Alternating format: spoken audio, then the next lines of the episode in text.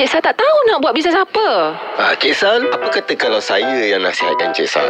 Joy, boleh bagi tips perniagaan kat Cik Sal. Hmm, Ani tak tahu nak buat apa lagi. Tapi bolehlah tolong Cik Sal sikit-sikit. Hanya di bawah mulut. Hanya dibawa mulut. Hanya di bawah mulut. Hanya di bawah mulut. EFM.live. Nampaknya kan Halal Hub semakin mendapat tempat tau dekat hati masyarakat kat Malaysia sekarang ni. Tengok ni, Cik Sal baca berita. Semakin banyak produk-produk halal yang diinovasi Ah, lepas tu diolah semula. Ha, jadi adalah branding halal macam tu kan?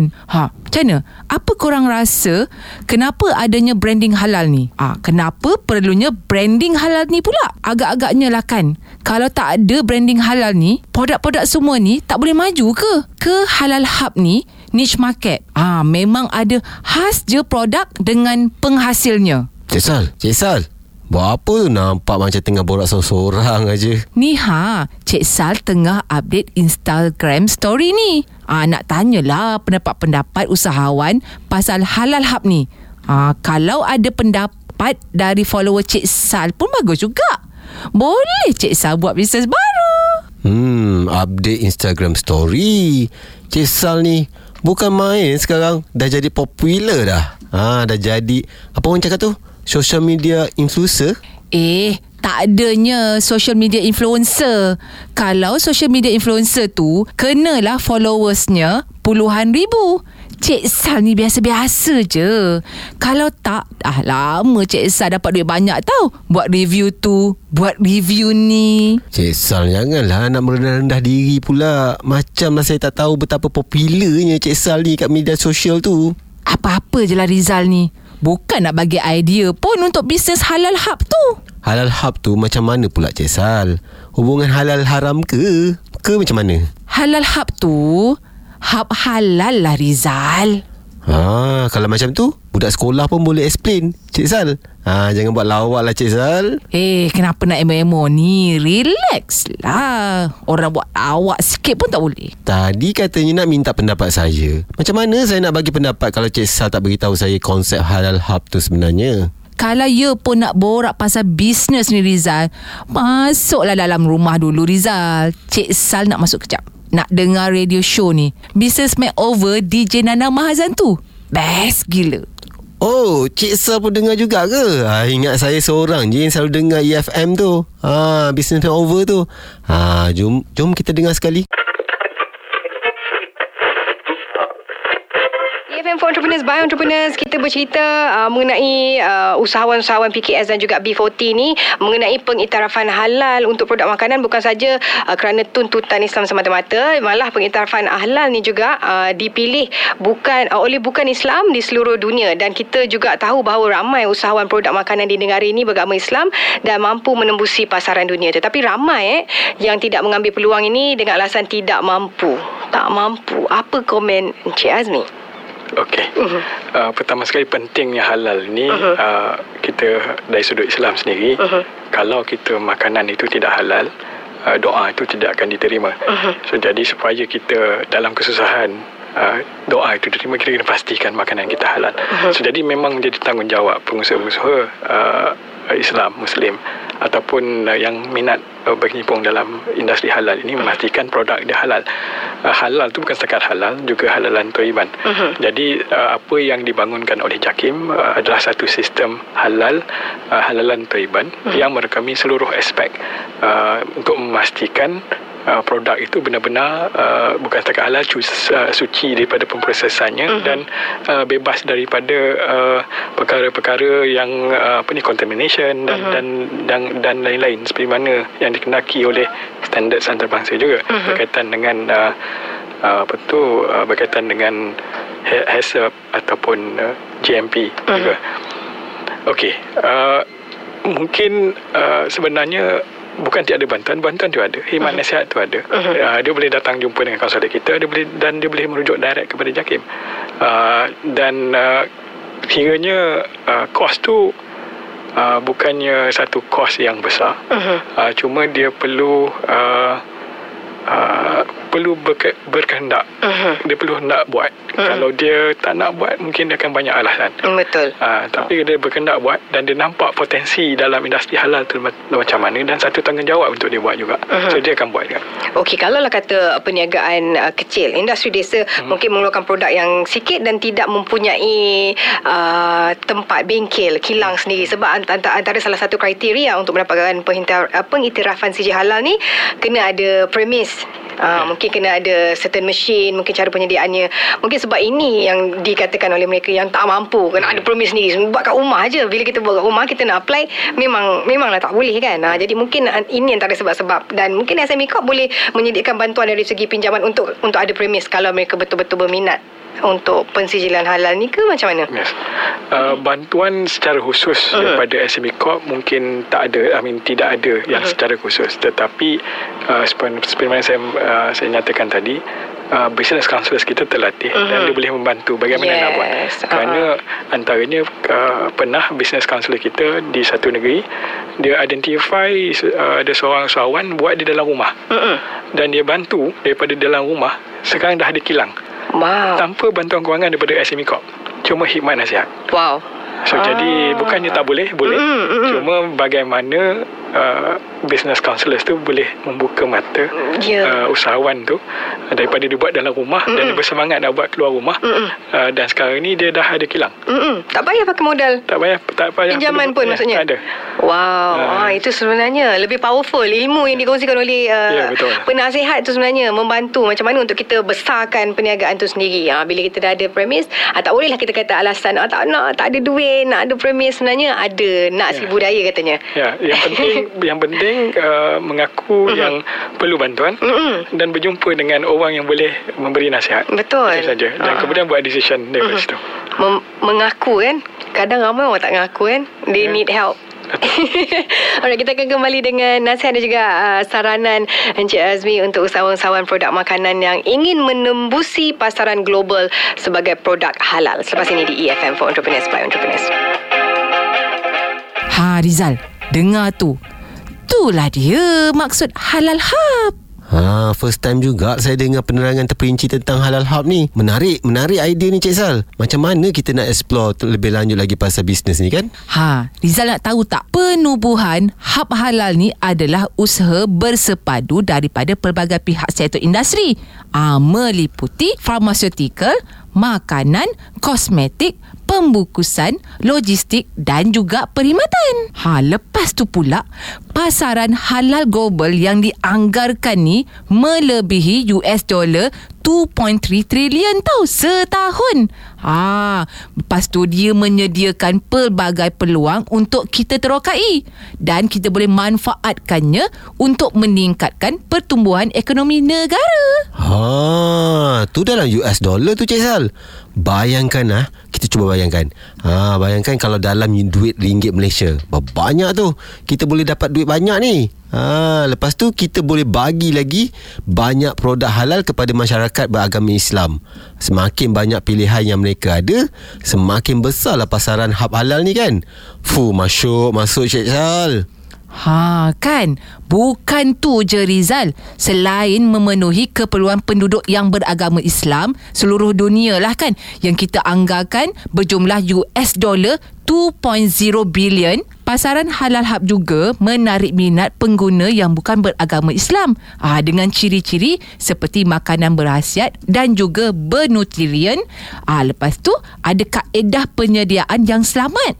Ah, lepas tu proses penghasilan dia juga bermutu tinggi. Ah, ini berikutan dengan peningkatan kesedaran pengguna terhadap produk halal ya yang sinonim dengan produk selamat. Lepas tu berhasiat dan lebih bersih iaitu suci. Wah, panjang lebar Cik Sal menerangkan.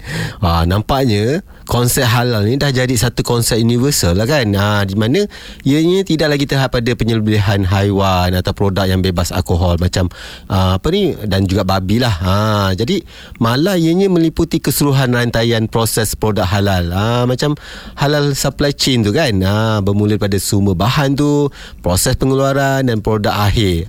Ha, halal bukan lagi semata-mata tuntutan agama. Sebenarnya dia dah menjadi satu standard piawaian pilihan global lah termasuk komunitas komuniti masyarakat Muslim dan bukan Muslim. Tak gitu Cik Sal? Tepat sekali tu Rizal. Ah, kita kena faham konsep halal ni bukan semua orang boleh pakai. Kalau kita dah faham, ah senanglah nak nampak yang bukan setakat makanan je yang halal. Puh, Cik Sal bukan main sekarang. Dah makin power lah sejak akhir-akhir ni. Mestilah. Cik Sal kan pendengar setia radio EFM.live. Ah, memang tak lepas punya info-info yang best macam ni. Betul tu Cik Sal. Kita kena bantu lebih banyak usahawan dengan radio ni. Eh, jap, jap, jap. Ha, kita sambung dengan radio ni lagi. Jom Cik Sal.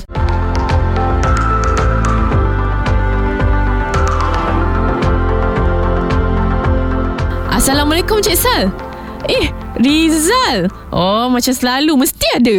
Waalaikumsalam Joy Rizal ni dok kacau Cik Sal tau Masa Cik Sal main Instagram tadi Alang-alang tu ah, Terus borak minum petang ni Ha Joy Tadi kita orang tengah borak pasal hab halal tau Joy familiar tak pasal topik ni? Eh, mestilah Joy tahu. Hub halal ni kan macam aktiviti pengeluaran, pemprosesan uh, dan also pengedaran produk halal oleh pengeluar atau syarikat yang dah lepas dah all piawaian yang uh, agensi-agensi halal ni dah tetapkan. Macam contohnya, uh, JAKIM lah salah satu. Hmm, nampaknya saya kurang pengalaman dalam bisnes hal halal ni. Hmm, banyak lagi saya kena belajar dengan Cik Sang dan Joy ni sebenarnya. Sempena tahun baru ni lah kan. Kita ni dah semakin semangat dah nak belajar benda baru. Ah, Rizal kenalah tahu pasal hub halal ni. Ah, paling dipromosikan oleh kerajaan Malaysia. Ah, tahu tak? Masa 2010 hari tu, Malaysia telah diiktirafkan sebagai hub halal dunia. Kita dah mendapat peluang sebagai pengeluar utama produk halal. Betul tu. Industri halal ni ada potensi tau.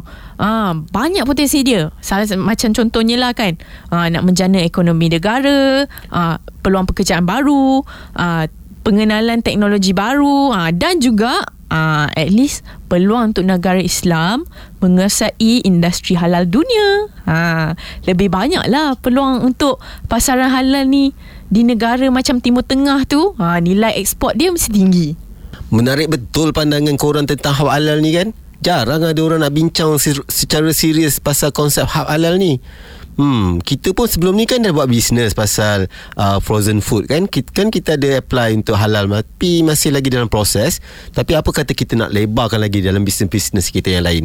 Ha, hub halal ni bukan hanya melibatkan makanan je tau. Banyak bidang yang perlukan hub halal. Ha, apa kata Rizal try pula buat bisnes yang berkonsepkan hub halal tapi bukan melibatkan makanan. Ha, Rizal? Dah fikir dah nak buat bisnes apa? Duduk dengan korang ni kan Memang tak boleh nak duduk diam lah Hmm, mungkin saya kena balik dulu dan fikir masa-masa nak buat bisnes baru yang saya tak pernah ceburi ni. Ha, dah senja ni pun. Saya balik dululah. Ha, Assalamualaikum korang.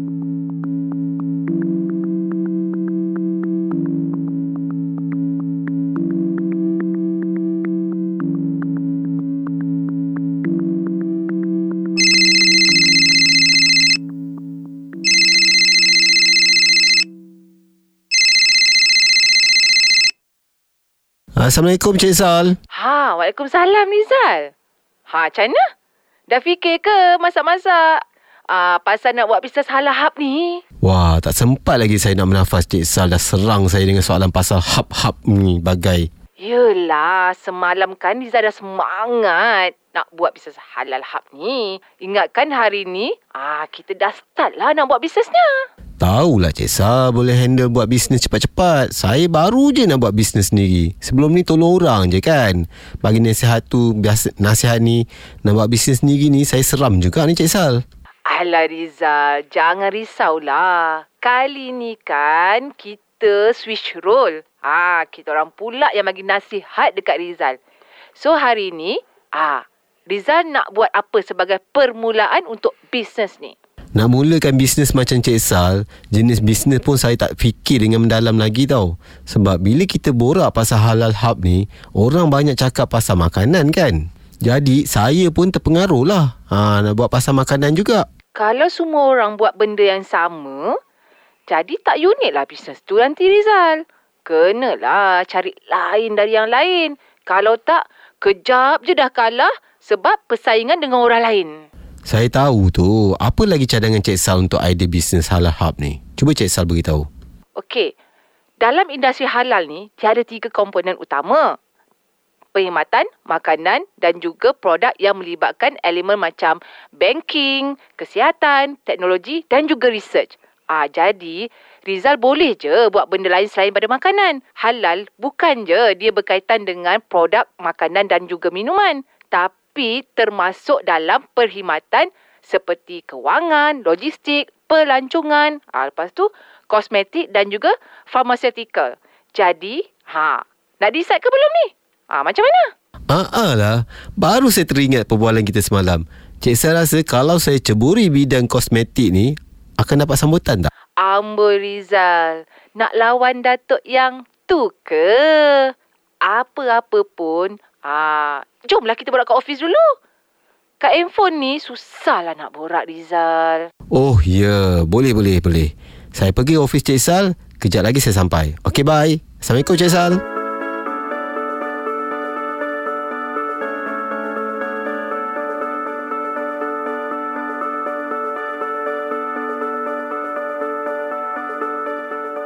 Assalamualaikum Cik Sal. Eh, Joy pun ada juga kat sini. Waalaikumsalam. Joy memang dah lama dah lepak sini Rizal. Tadi kita orang lunch sama-sama. Ah, baguslah kalau Joy ada kat sini sama. Alang-alang kita nak borak pasal bisnes halal hub ni kan. Ah, boleh kita sembang terus. Bertiga.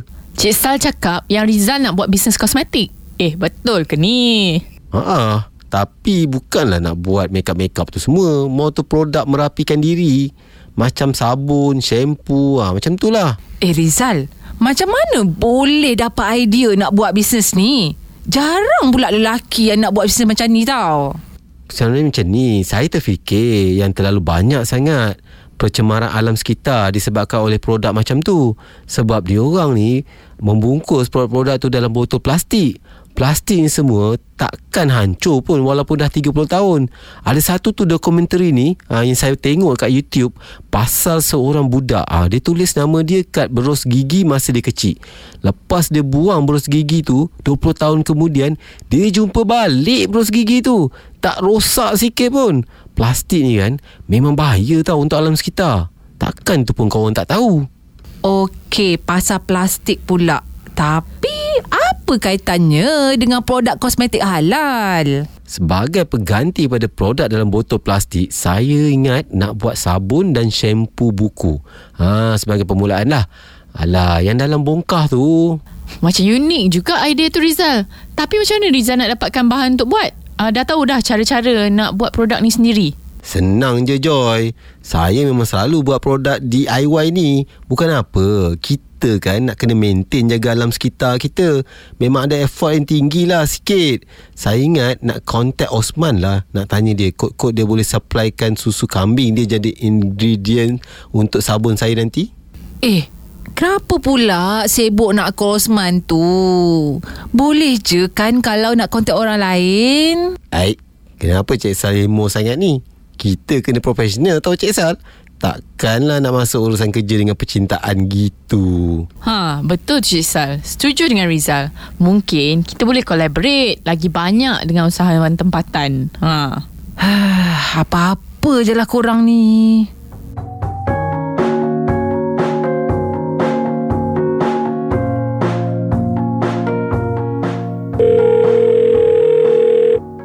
Assalamualaikum Osman. Rizal ni.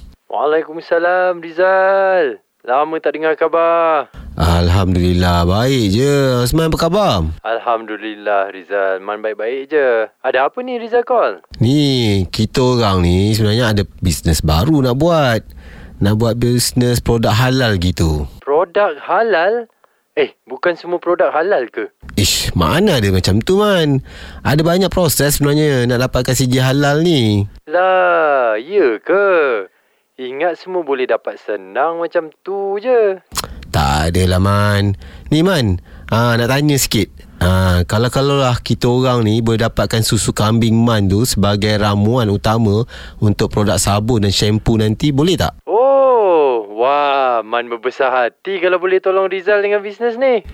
Terima kasih lah Osman Sebab sudi tolong Rizal dengan bisnes ni Kita nak buat produk yang unik ni Bukan benda mudah sebenarnya Betul lah tu. Nak sokong sesama usahawan. Jadi tak mudah lah nak buat bisnes kalau seorang-seorang je tak. Ni Rizal buat sekali dengan Sal ke? Dengan Sal lah siapa lagi Dia pun tolong jugalah nanti Nah, nanti sampaikan salaman pada Sal ya. Ada apa-apa lagi ke Rizal? Nanti kita arrange hantar susu ke KL tu. Ah, itu je lah kot. Ah, nanti saya WhatsApp kat alamat yang ah, nak hantar tu. Ah, terima kasih lah Man. Oh, tak ada masalah, tak ada masalah. InsyaAllah. Assalamualaikum. Waalaikumsalam Osman.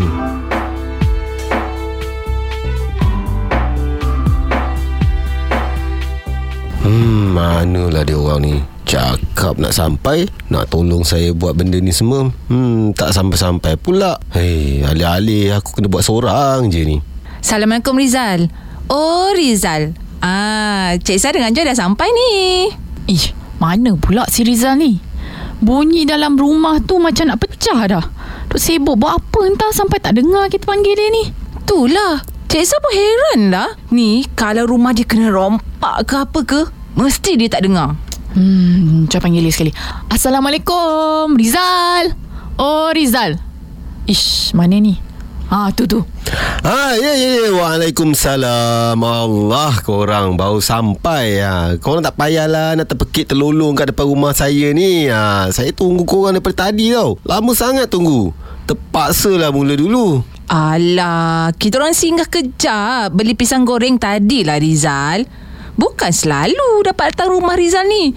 Asyik-asyik rumah Cik Sal je. Ha, kenalah bawa buah tangan sikit bila datang jumpa tuan rumah. Ya, ya je lah Cik Sal nak bawa buah tangan bagai jumpa saya. Ha, Rizal. Hari ni kita nak kena buat apa? Dah datang ni, dah ready nak buat kerja tangan dah ni. Ha, hari ni saya akan ajar korang macam mana nak buat sabun sendiri. Sabun sendiri? Tak pernah pula buat sabun sendiri ni. Macam bahaya je. Bukan kena ada bahan-bahan kimia ke Rizal? Nanti asid tu semua melecur tangan, muka Cik Sal nanti. Muka Cik Sal ni dah lah muka cari makan tau. Oh, amboi. Apalah Cik Sal ni? Bahan-bahan yang digunakan untuk buat sabun. Mana ada bahaya sampai macam tu sekali. Kalau macam tu, kita tak bolehlah guna sabun kat badan kita. Ya ke? Habis tu, kenapa kita tak minta je kilang-kilang je buat produk ni semua? Kita pula dah kena buat sendiri pula. Cik Sal, asas produk halal kan, kita sendiri tahu proses membuatnya. Dah lah, jom sambung borak kat dalam. Panas ni kat luar. Tadi, korang juga yang tak sabar-sabar nak masuk rumah kan? Jom-jom masuk.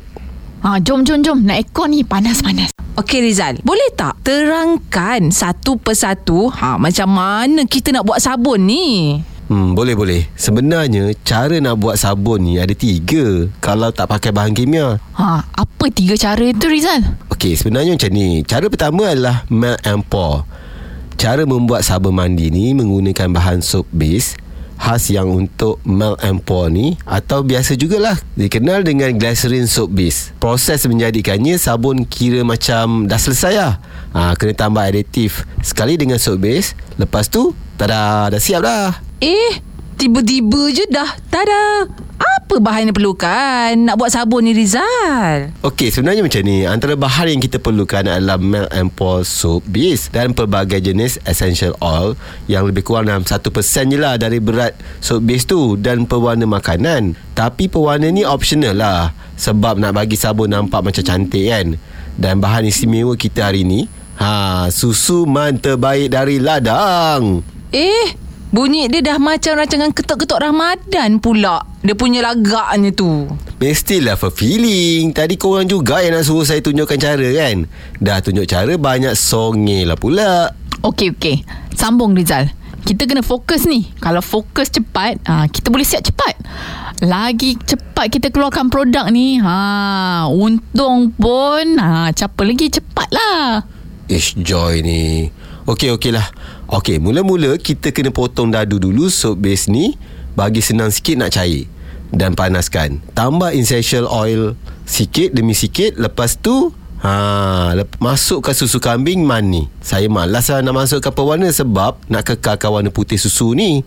Barulah original dan tulen. Sabun susu man.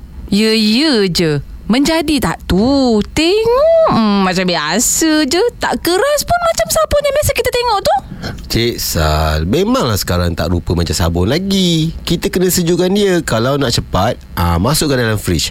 Dalam 15 minit macam tu, ah dah settle dah. Wah, cepat macam tu sekali ke Rizal? Kalau macam tu, berapa batch kita boleh buat ni? Memang ada banyak lah kita boleh hasilkan. Ha. Sabar Joy, pelan-pelan kayu. Jangan nak gelojoh. Orang tamak selalu rugi. Ha, betul tak? Okey, selain dari cara ni kan, ada tak cara lain untuk buat sabun ni Rizal? Ada Cik Sal. Handmill atau rebash ni adalah cara yang paling tepat. Kalau nak gunakan berasaskan susu yang sebenarnya. Macam mana pula caranya tu Rizal? Okey, bahan-bahan yang diperlukan untuk proses ni sabun cold process, extra virgin olive oil ataupun super fat, susu kambing dengan mixed essential oil. Eh, kenapa yang ni bahan dia lagi sikit dari proses yang pertama tadi Rizal? Ah, sebab bila kita dah guna sabun cold process ni, kita cuma ubah dan campurkan sedikit bahan dalam benda sedia ada. So, kerjanya jadi sikit je lah. Tapi proses ni kena pakai double boiler lah. Oh, walaupun kita pakai bahan yang lagi sikit dan proses yang lebih mudah, ha, macam mana pula dengan kualiti sabun tu Rizal? Okey, macam ni Joy. Sebenarnya, lepas dah siapkan sabun, kalau guna proses ni, kena tunggu dia mengeras selama seminggu. Memang efeknya akan lebih um lah. Ha. Ish, tak sangka Rizal sebenarnya kan, dia ni berbakat nak buat produk-produk kosmetik ni semua. Oh, oh lah, tak sangka yang sebenarnya produk-produk ni kita je boleh buat sendiri kat rumah. Kalau tak, senang je nak jana pendapatan sendiri. Tak pun untuk kegunaan sendiri kan? Itulah korang Jadi usahawan Kenalah kreatif dan inovatif ha, Ceburi bidang yang orang lain tak cuba ha, Jadi sekarang ni Saya dah produce beberapa batch sabun Untuk trial dulu Nak tengok feedback kawan-kawan pada produk ni Kalau bagus Apa lagi kita jual lah secara besar-besaran Betul ke Rizal dah ready ni?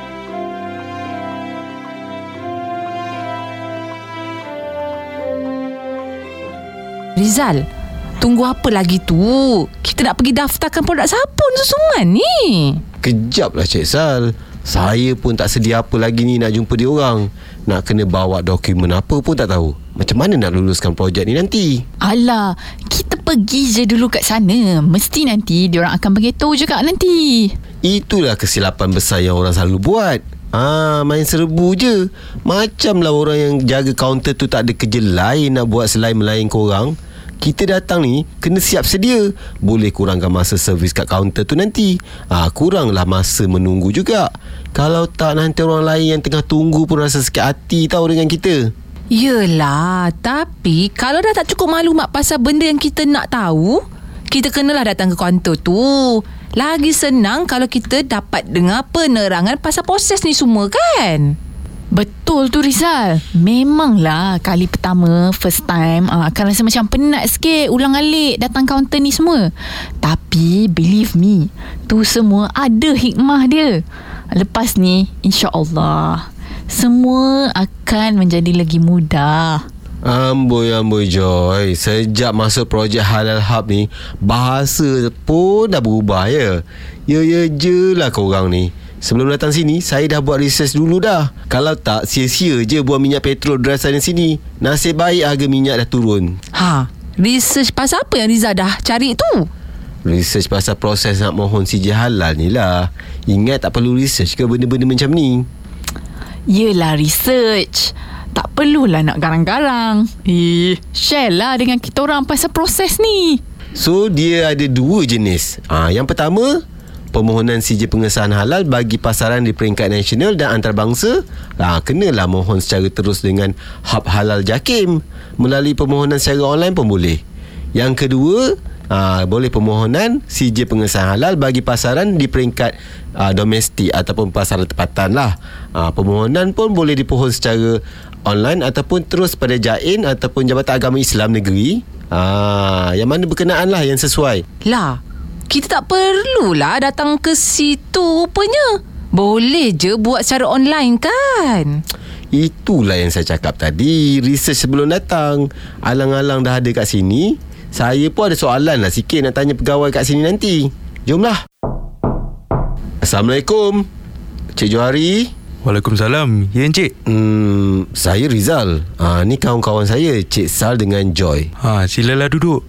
Ada apa yang saya boleh bantu? Macam ni Cik, saya nak tahu apa yang menyebabkan permohonan uh, untuk halal ni boleh ditolak. Permohonan akan ditolak kalau syarikat yang mengeluar dan mengedar produk halal dan tidak halal atau sebab lain adalah produk yang tidak halal, bahan semula jadi yang tidak melibatkan sebarang proses, ubah-ubatan atau produk yang dikategorikan sebagai keluaran farmaceutical oleh Kementerian Kesihatan Malaysia, pewarna rambut, hair color atau hair dye, produk siap diproses yang dikeluarkan di luar negara, baja dan makanan binatang. Oh, macam tu ke? Okey, macam mana pula kalau saya buat sendiri produk tu? Proses proses ni semua kami kena observe Encik Rizal. Kalau tak kami tak tahu apa bahan yang Encik Rizal gunakan. Oh, macam tu ke? Encik Rizal ni nak buat produk apa ya? Oh, saya sebenarnya nak buat sabun susu kambing.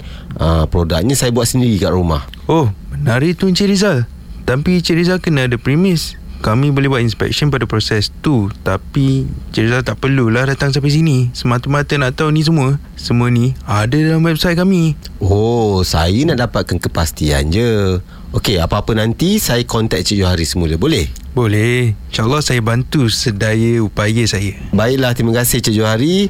Uh, kami gerak dulu ya. Assalamualaikum. Assalamualaikum. Terima kasih banyak Cik Johari. Waalaikumsalam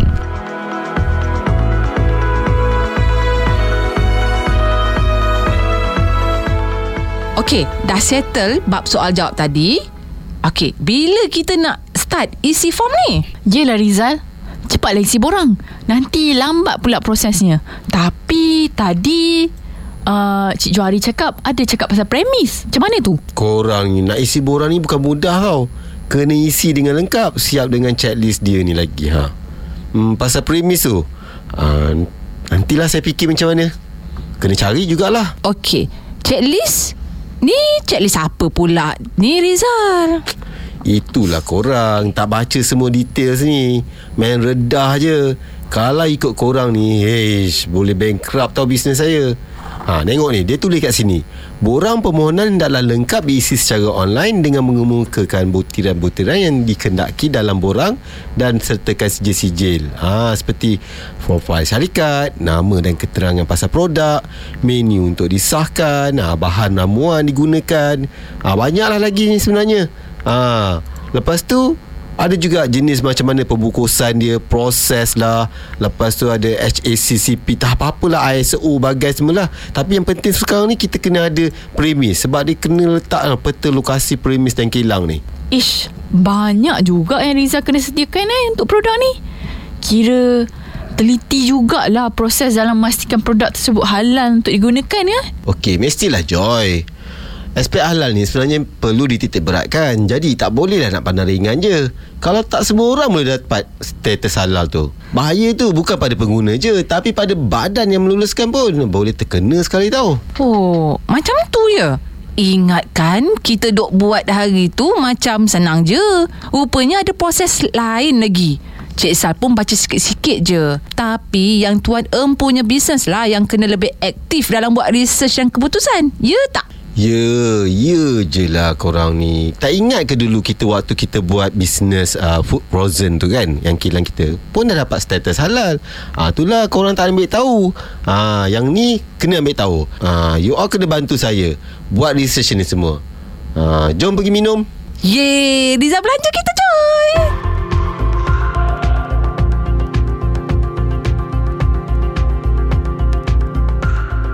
Ha Joy, kata dah ada marketing plan untuk produk saya ni. Apa lagi? Bak datanglah Ish Rizal ni Tak menyempat Joy nak minum teh tarik ni. Ha, Ni Rizal Nak marketing online ke Offline? Nah Pilih-pilih. Nak Joy cerita yang mana satu dulu? Kalau marketing offline Saya dah biasa lah kot. Tapi tak apa lah. Ah, Saya nak dengar Joy cerita pasal marketing online dulu. Hari ni Joy nak share lah Dengan Cik Sal dengan Rizal. Lima petua atau tips utama kalau nak buat marketing ni.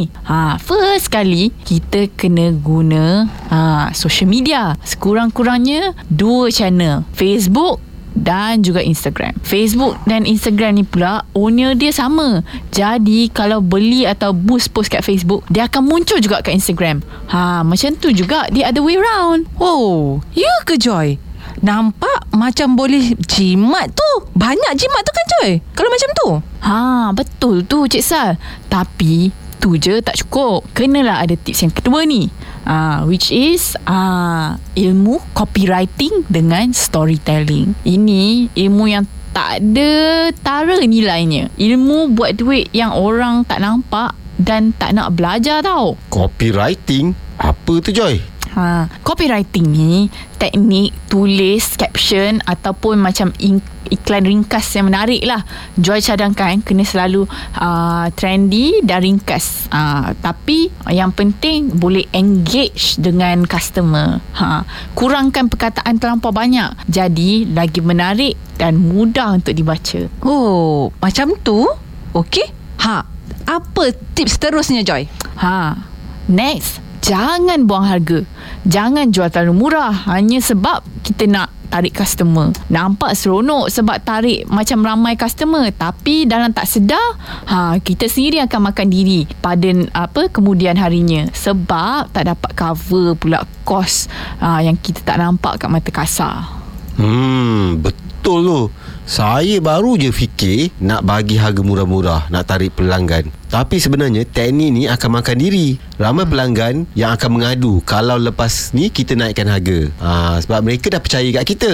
Cik Sah setuju dengan Rizal? Memang kena fikirkan harga yang baik untuk produk sabun susu kambing tu. Lagipun DIY kan. Bolehlah kita charge mahal sikit.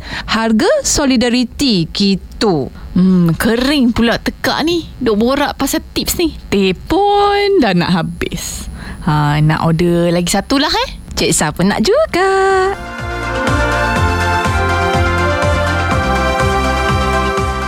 Ha, Joy. Ha, sambunglah balik tips marketing tadi. Shock pula nak dengar ni. Okey. Ha, nombor empat ni Rizal. Kita kena jaga relationship kita dalam peniaga-peniaga dalam industri ni.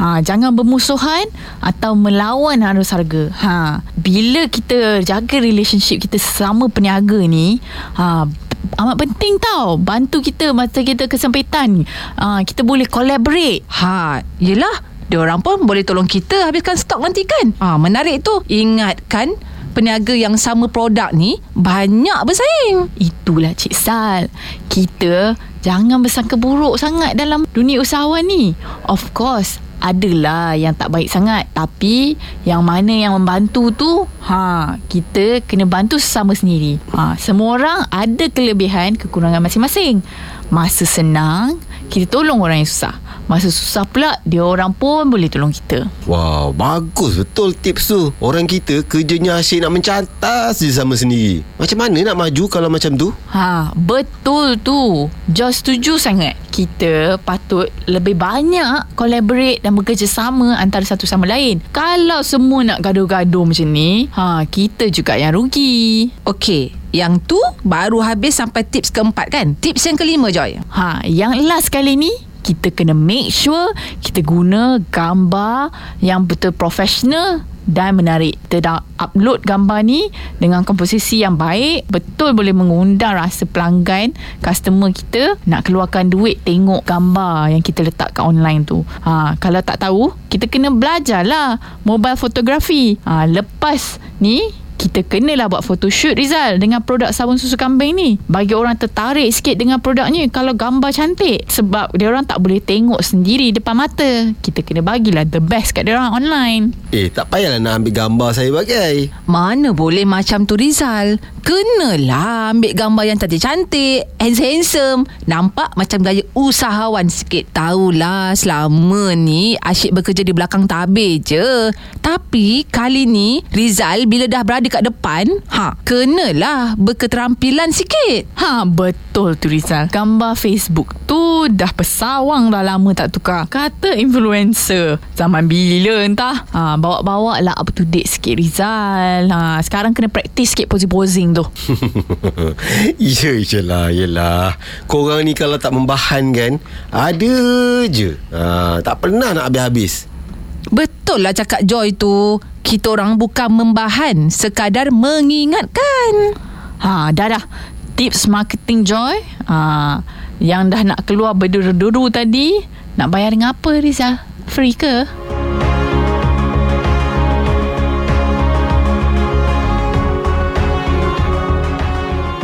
Hari ni Cik Sal dengan Joy Makan je apa korang nak ha, Saya belanja Eh, kenapa dah ni tiba-tiba?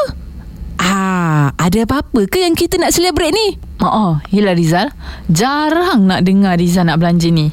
Ada durian runtuh ke apa ni? Ha, Ni nak beritahu korang Produk sabun saya Dah semakin laku Lepas masuk radio EFM.live hari tu Hmm Semakin ramai tau orang order kat saya Jadi Saya nak share lah dengan korang rezeki ni Lah ya ke Rizal? Alhamdulillah. Ha, bila masuk radio ni, tak bagi tahu pun kita orang tahu. Kita orang nak lah juga dengar. Ada sebut nama kita orang tak? Alah Ada itu Dekat segmen Business Makeover Yang Nana Mahazan jadi DJ-nya ha, Korang nak dengar 7.30 pagi hingga 10 pagi Kalau korang nak dengar ha, Klik je dekat www.efm.live Ataupun dekat Facebook EFM Live Stream Oi, kelas ni Rizal masuk radio sekarang. Macam mana nak masuk radio macam Rizal tu? Alah senang je Joy Email je kat hello at efm.live Diorang mesti balas cepat-cepat Macam tu je? Kalau macam tu kan, senang lah Cik San juga. Insert, insert. Macam tu je? Senangnya. Kalau macam tu, senanglah Cik San masuk radio. Boleh Cik Sal Kalau Cik Sal dah sedia untuk ada ramai customer Ah, Cik Sal dah ready je. Naklah ramai customer. Cik Sal akan ambil cabaran ni dengan sebaik mungkin. Eh, betul ke ni Cik Sal? Nanti tak terkejar ke semua tu? Joy tengok.